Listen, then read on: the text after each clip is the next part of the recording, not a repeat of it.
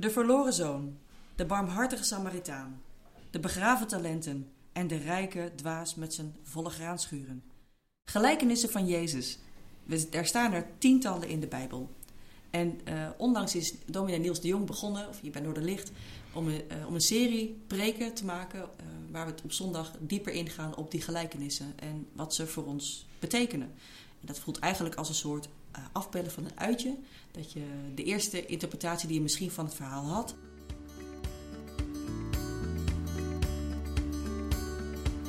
Welkom bij de Noorderlicht Rotterdam podcast.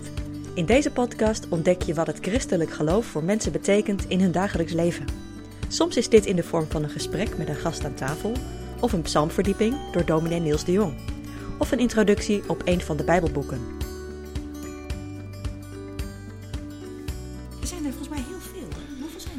Nou? Ik weet niet precies, maar het zijn er wel een heel aantal. Uh, het is ook wel moeilijk rekenen, want sommige verhalen die komen in verschillende levensbeschrijvingen van Jezus terug. Uh, ja, tel je die dan uh, elke keer mee of is dat er dan eentje?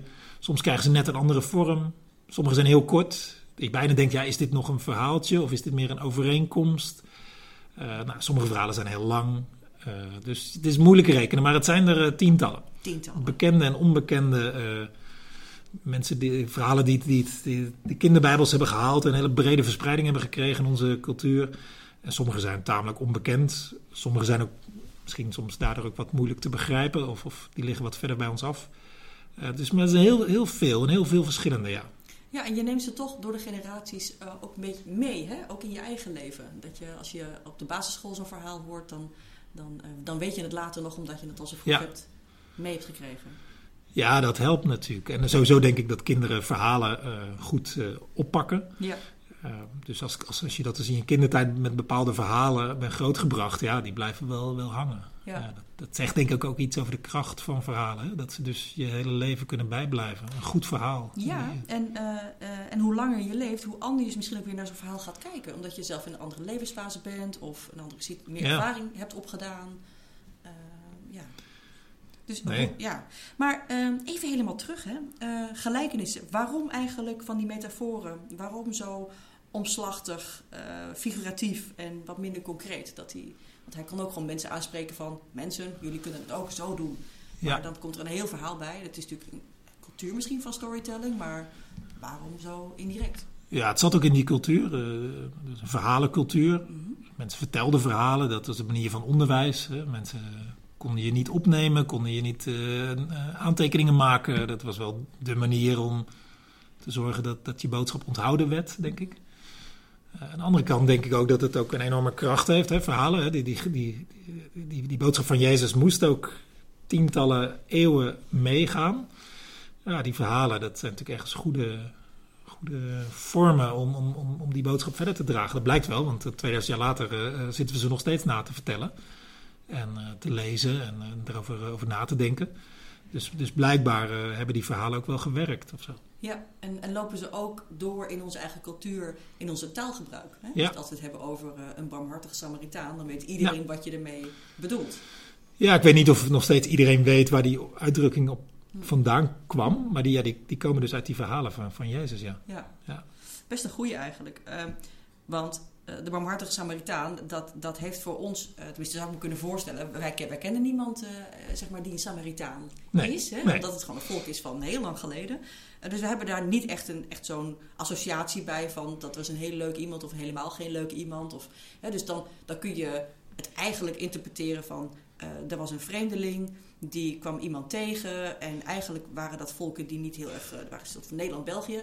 Eh, Ja. Nederland die komt naar België tegen, die helpt hem en dat is dan aardig. ja, hè? Dus die moet aardig zijn voor je buurman. Hè, Ja. zo, zo kunnen wij dat interpreteren. Maar eigenlijk, historisch gezien, legt het heel anders. Ja, is het punt eh, dat Jezus maakt veel gevoeliger. En, en, en, en waarschijnlijk ook voor de hoorders toen ook irritanter of prikkelender, zeg maar. Want die Samaritaan was niet zomaar iemand van een naburig volkje, wat ook best sympathiek was. Nee, dat was eh, van een wel een naburig volkje, maar wel ook echt de vijand, zeg maar. Dus ik denk als je het naar nu zou trekken, dat je dan veel eerder zou zeggen: ja, stel je maar voor dat, eh, dat een Oekraïens eh, slachtoffer eh, ligt. Er, komen twee Oekraïense officials voorbij of godsdienstige leiders en die lopen, lopen verder, lopen eraan voorbij. En dan komt er een Russische soldaat langs en die gaat die persoon zitten helpen. Oei, ja. Toch dat, wat ingewikkeld. Dat is, wel, dat is wel erg kritisch naar de eigen volk dus. En dus opeens heel positief over een volk waar je, mensen eigenlijk liever niet positief over praten. En, oh, dus wat, wat, ja, wat, wat is het punt dan? Wil Jezus dan zeggen dat hulp ook uit heel onverwachte hoek kan komen? Of dat die ander of dat andere volk niet altijd slecht is? Of dat jij zelf misschien wel met al je goede gedrag helemaal niet zo goed bent dan je zelf voor waar wilde hebben? Ja, dan wordt het in ieder geval wordt het spannend. Ja. De, Ja, dus als hij het zo zegt, dan kan ik me ook voorstellen dat als hij zo'n verhaal in die tijd vertelde, eh, dat mensen zich ook minder aangevallen voelden, om- omdat zij niet degene waren die een buurman hadden of, of een vijand hadden eh, in, in, de, gro- in de greppel hebben laten liggen. Dus het waren, het, waren, het waren andere volken, zeg maar, het waren andere mensen. En misschien was het voor hem dan ook ja, een manier om mensen toch bij zichzelf te laten denken van... Wat zou, wat zou ik doen als ik het was? In plaats van, gij zult dit doen, want dit heb je niet goed gedaan. Hè, dus het is misschien ook wel eh, een, een minder offensieve manier... m, Zon, Ah. eh, zonder in te boet- boeten aan, aan enorm confronteren. ja, ja, aan de ene kant is het dus misschien wat indirecter inderdaad.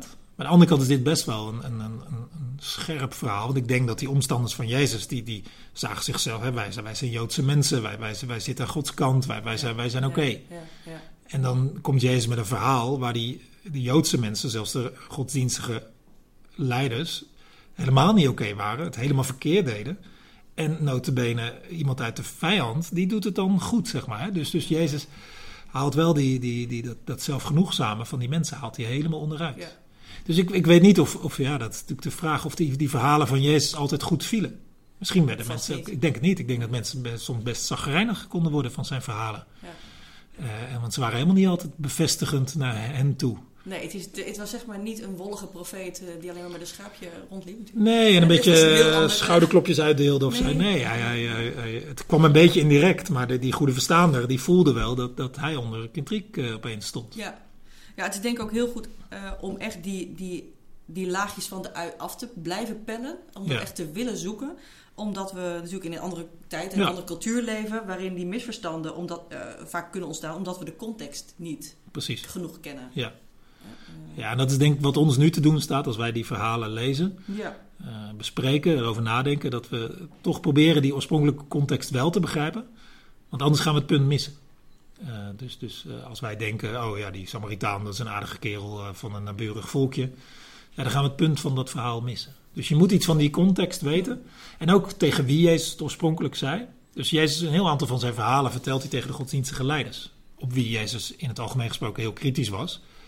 Ehm, dus omdat dan, oké, dus de, die, die, die zijn de doelgroep van dit, eh, dit, dit verhaal, of deze gelijkenis. Dus als Jezus dan soms heel hard overkomt, heel scherp, eh, dat je dan bedenkt, oké, maar dit zegt hij niet tegen Jan en Alleman.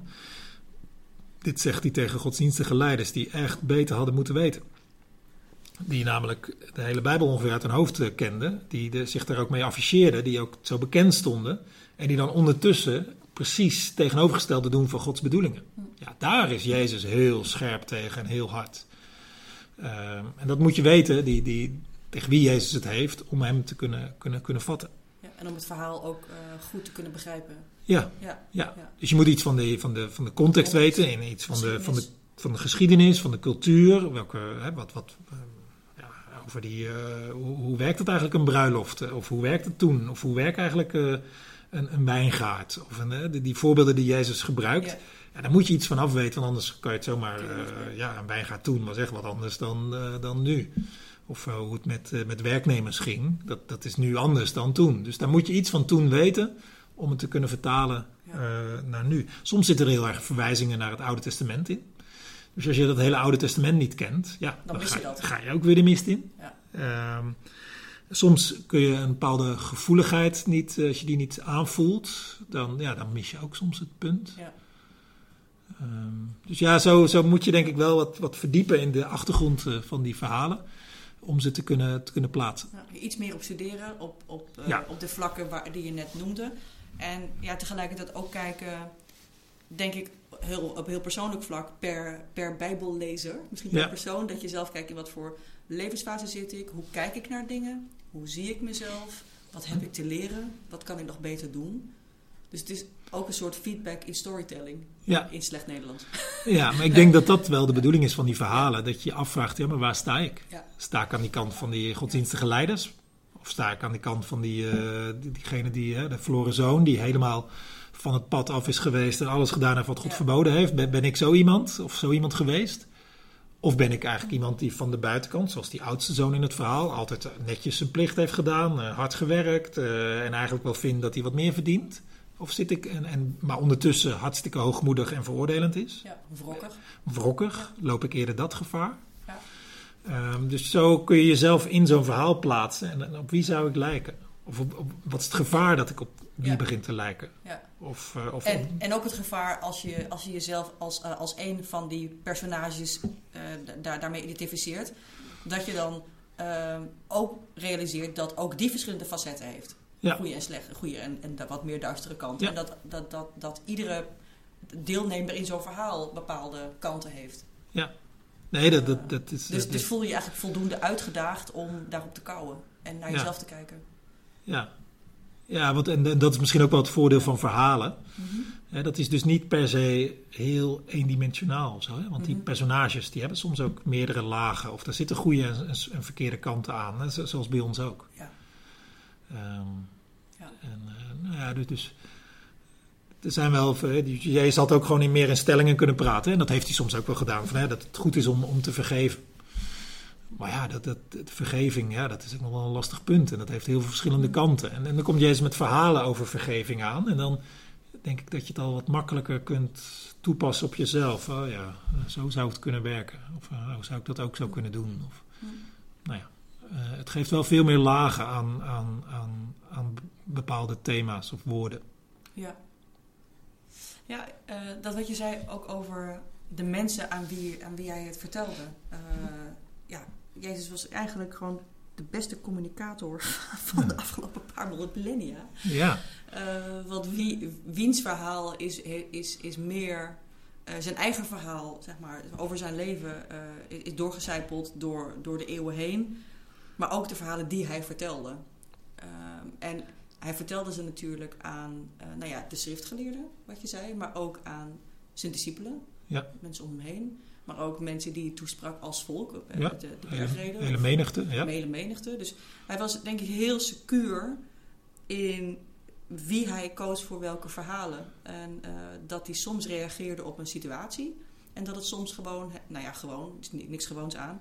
Maar dat, dat, dat hij soms gewoon bewust een, een verhaal koos wat hij op dat moment wilde delen. Omdat hij dacht dat daar de tijd rijp voor was. Ja. Eh, dus communicatief eigenlijk ongeëvenaard. ja, briljant te noemen, denk ik. eh, ja, echt briljant. En terwijl ze heel eenvoudig soms lijken. Hè? Dat zijn soms verhalen uit het, uit het leven gegrepen. Heel, heel, heel simpel bijna. En toch hebben ze zo'n enorme kracht Iconisch. gekregen. Ja, ze is iconisch geworden. Iconische Ja. beelden. Ja. Ja. Ja, dat is knap. Dus ja, Wat ook knap is dat hij soms in één verhaal twee verschillende doelgroepen aanspreekt. Hè? Dus er is een situatie dat hij te gast is bij een, eh, godsdienstig eh, vooraanstaand eh, persoon. En dan komt iemand hem eh, de voeten wassen. Een, een vrouw die aan alle kanten duidelijk is dat hij, dat hij het verknald heeft in haar leven. En die, die, god- die godsdienstige leider kijkt duidelijk op haar neer. En, en hij denkt, weet Jezus niet wat voor iemand dat is. En dan vertelt Jezus een verhaal over, nou heel in het kort, het gaat over iemand die een heel grote schuld is eh, kwijtgescholden. En iemand die een hele kleine schuld is eh, kwijtgescholden. En dan vraagt hij aan die man, ja, wie denk je nou dat dankbaarder is naar, de, naar, de, naar, de, naar degene die, die die schuld heeft, eh, wie, wie denk je dat meest dankbaar is? Ja, natuurlijk degene die het, de grootste schuld is kwijtgescholden. En dan zegt Jezus ergens dus in dat verhaal van ja, jij bent dus helemaal niet dankbaar, want jij denkt dat jij heel amper schuld had en dat je, je met je, met je, nou ja, je zelfgenoegzaamheid. En zij weet tenminste dat, haar, dat zij heel veel verknald heeft, maar zij is daar dus ook zo dankbaar voor de schuld die haar vergeven is. Dus aan de ene kant hetzelfde verhaal bemoedigt die, die vrouw en zet haar in haar recht of in haar, in haar kracht of van ja, jij mag er zijn en je doet helemaal niks verkeerd. En hetzelfde verhaal bekritiseert die vooraanstaande persoon. Dus in één verhaal ja, bereikt Jezus ook twee heel verschillende groepen. En dat doet Jezus vaker, dat, dat, in een, dat één en hetzelfde verhaal voor de ene groep heel bemoedigend is en voor de andere super kritisch. Ja, het is eigenlijk een soort van spiegelkolom. Ja. Dus hij staat, hij staat ergens in een situatie en iedereen ziet zichzelf terug, eh, al naar gelang wat je uit het verhaal haalt. Ja, precies. Ja. Eigenlijk is dat. En dat is, eh, dat is heel sterk dus. Ja, dat, spiegelpaleis. ja. oh, je ja, als je verschillende manieren naar zo'n verhaal kijkt, dan kom je jezelf iedere keer weer tegen. Ja. Al naar gelang je nou ja, geconfronteerd mag worden. En dat is wel een mooi, mooi beeld, dat spiegelpaleis. Want dat, als we hetzelfde bedoelen, dan, dan zie je ook dingen heel erg uitvergroot. Hè? Je bent toch op, opeens veel langer of korter of eh, dikker of dunner dan in werkelijkheid bent. Ja. Ja, en dat, dat doet Jezus ook. Hij overdrijft ook wel heel vaak in zijn verhalen. Dat je denkt, ja, dit is toch, eh, dit, dit, dit zou nooit gebeuren, zeg maar, dit in het werkelijke leven. Maar dat, dat, dat wist Jezus natuurlijk ook wel. Eh, en toch gebruikte hij die overdreven beelden ja. om ons iets duidelijk te maken. Ja, het- is soms eh, vervormend hè, om het te chargeren of Ja. groter te maken of kleiner te maken of eh, anders te maken. En soms is het gewoon de normale spiegel zoals het is en dat je jezelf gewoon Ja. niet even lang genoeg niet had aangekeken. En dat je op een, op een onbewaakt moment daarmee geconfronteerd wordt. Precies, ja. En dat je opeens denkt, oh, ik ben die, die, die godsdienstige leider aan de overkant van de weg die de andere kant op kijkt als die nood ziet. Ja. Hè, dat, als je dat verhaal kent en het zit ergens in je achterhoofd, opeens kan het zomaar. Of dat je denkt, hé, hey, oh, gelukkig, toen en toen was ik eh, de, de barmhartige Samaritaan en ik, eh, ik heb er misschien geen dankjewel voor gekregen, maar ik, eh, ik heb iemand kunnen helpen. Ja. Ja, dat, je kunt jezelf soms terugzien en soms geeft dat een prettig gevoel en soms moet je even slikken. Het is denk ik met, het is denk ik met recht de meest diepgaande, impactvolle, wereldveranderende campagne geweest die iemand had kunnen verzinnen. Ja. Ja. Hij heeft natuurlijk een tijdje gehad om het voor te bereiden. Hij is precies Ja, dat- te ja. begonnen. Maar had het maar, maar drie jaar. Kun je Ja. je voorstellen wat, wat, wat, wat één iemand in drie jaar Ja. voor duizenden jaren heeft bereikt? Ja, en, en, Met en, hij had een grote eh, opdracht te doen, zeg maar. Want mensen dachten heel... Er zat ook een bepaalde groef over God, over het leven, over de toekomst. En dat moest hij Veranderen. enorm bijsturen en bijstellen.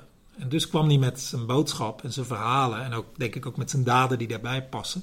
om dat, ja, om dat om te draaien. En ik denk dat, dat dat bij ons ook nog steeds nodig is. Wij, wij zitten ook in, in onze cultuur en in onze tijd, in onze samenleving... en onze, via onze biografie ook zomaar in een bepaalde denkpatronen... Zeker. dingen die wij logisch vinden en normaal... of hoe God zou moeten zijn. Dat, dat je dat ook meeneemt. Ja, maar, de, maar, maar wij moeten er ook uitgehaald worden. ja. En, en die verhalen van Jezus kunnen daar enorm bij helpen. Ik vind, ik vind het eh, ook in de Bijbel gewoon het boek zelf. Hè? Dat, je, dat je ziet dat het een soort van... Het is natuurlijk een verzameling van 66 boeken. Maar dat je dus ook... Toch? 66? Ja, ja, ja. Klopt. Goed huiswerk gedaan. Ja. Goed Ja. onthouden. Ehm, maar het, het- voelt ook als een soort van liefdevol litteken tussen het Oude en het Nieuwe Testament. Een soort van kloof die overbrugd is door de komst van Jezus.